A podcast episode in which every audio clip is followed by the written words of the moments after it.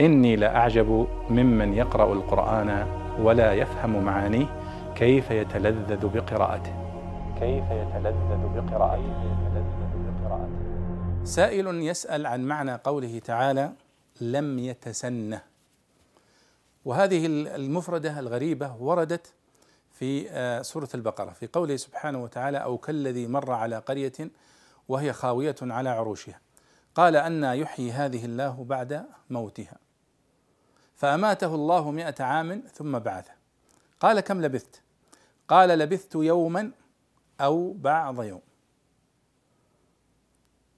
قال بل لبثت مئة عام. فانظر إلى طعامك وشرابك لم يتسنه.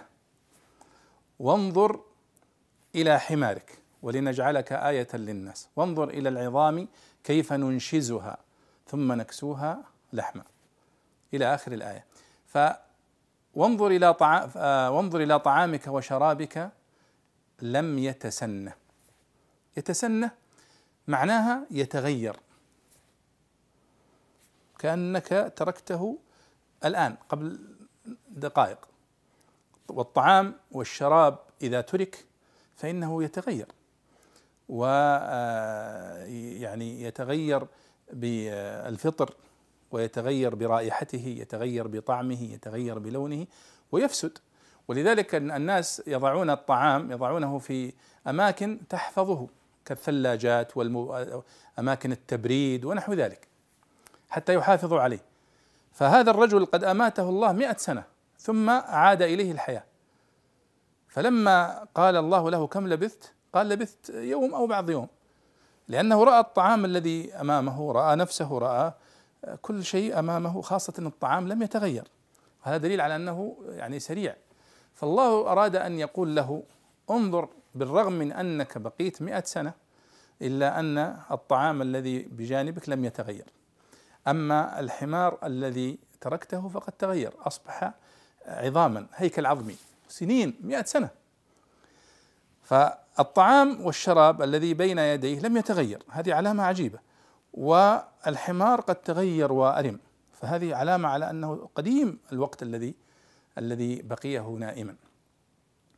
فالشاهد أن معنى قوله لم يتسنه لم يتغير. مأخوذ من السنة. يعني لم يتسنه يعني لم تمر عليه السنون فيتغير. لم يتسنه يعني لم تمر عليه سنة سنة سنة فيتغير. فإذا يتسنه يعني تمر عليه السنون الطويلة وبالتالي يتغير. فمعنى يتسنه يتغير. فانظر إلى طعامك وشرابك لم يتسنه يعني لم يتغير. وبعضهم ذكر أن معنى الماء الآسن الماء المتغير. آه، وأنهار من ماء غير آسن. وصف الله سبحانه وتعالى أنهار أهل الجنة. أنه من ماء غير آسن. بمعنى أنه لم يأسن ويتغير طعمه لطول السنين التي مرت عليه والوقت الذي مر عليه. فإذا يتسنه يتغير الطعام ويتغير الشراب يتسنه يتغير لمرور السنوات عليه.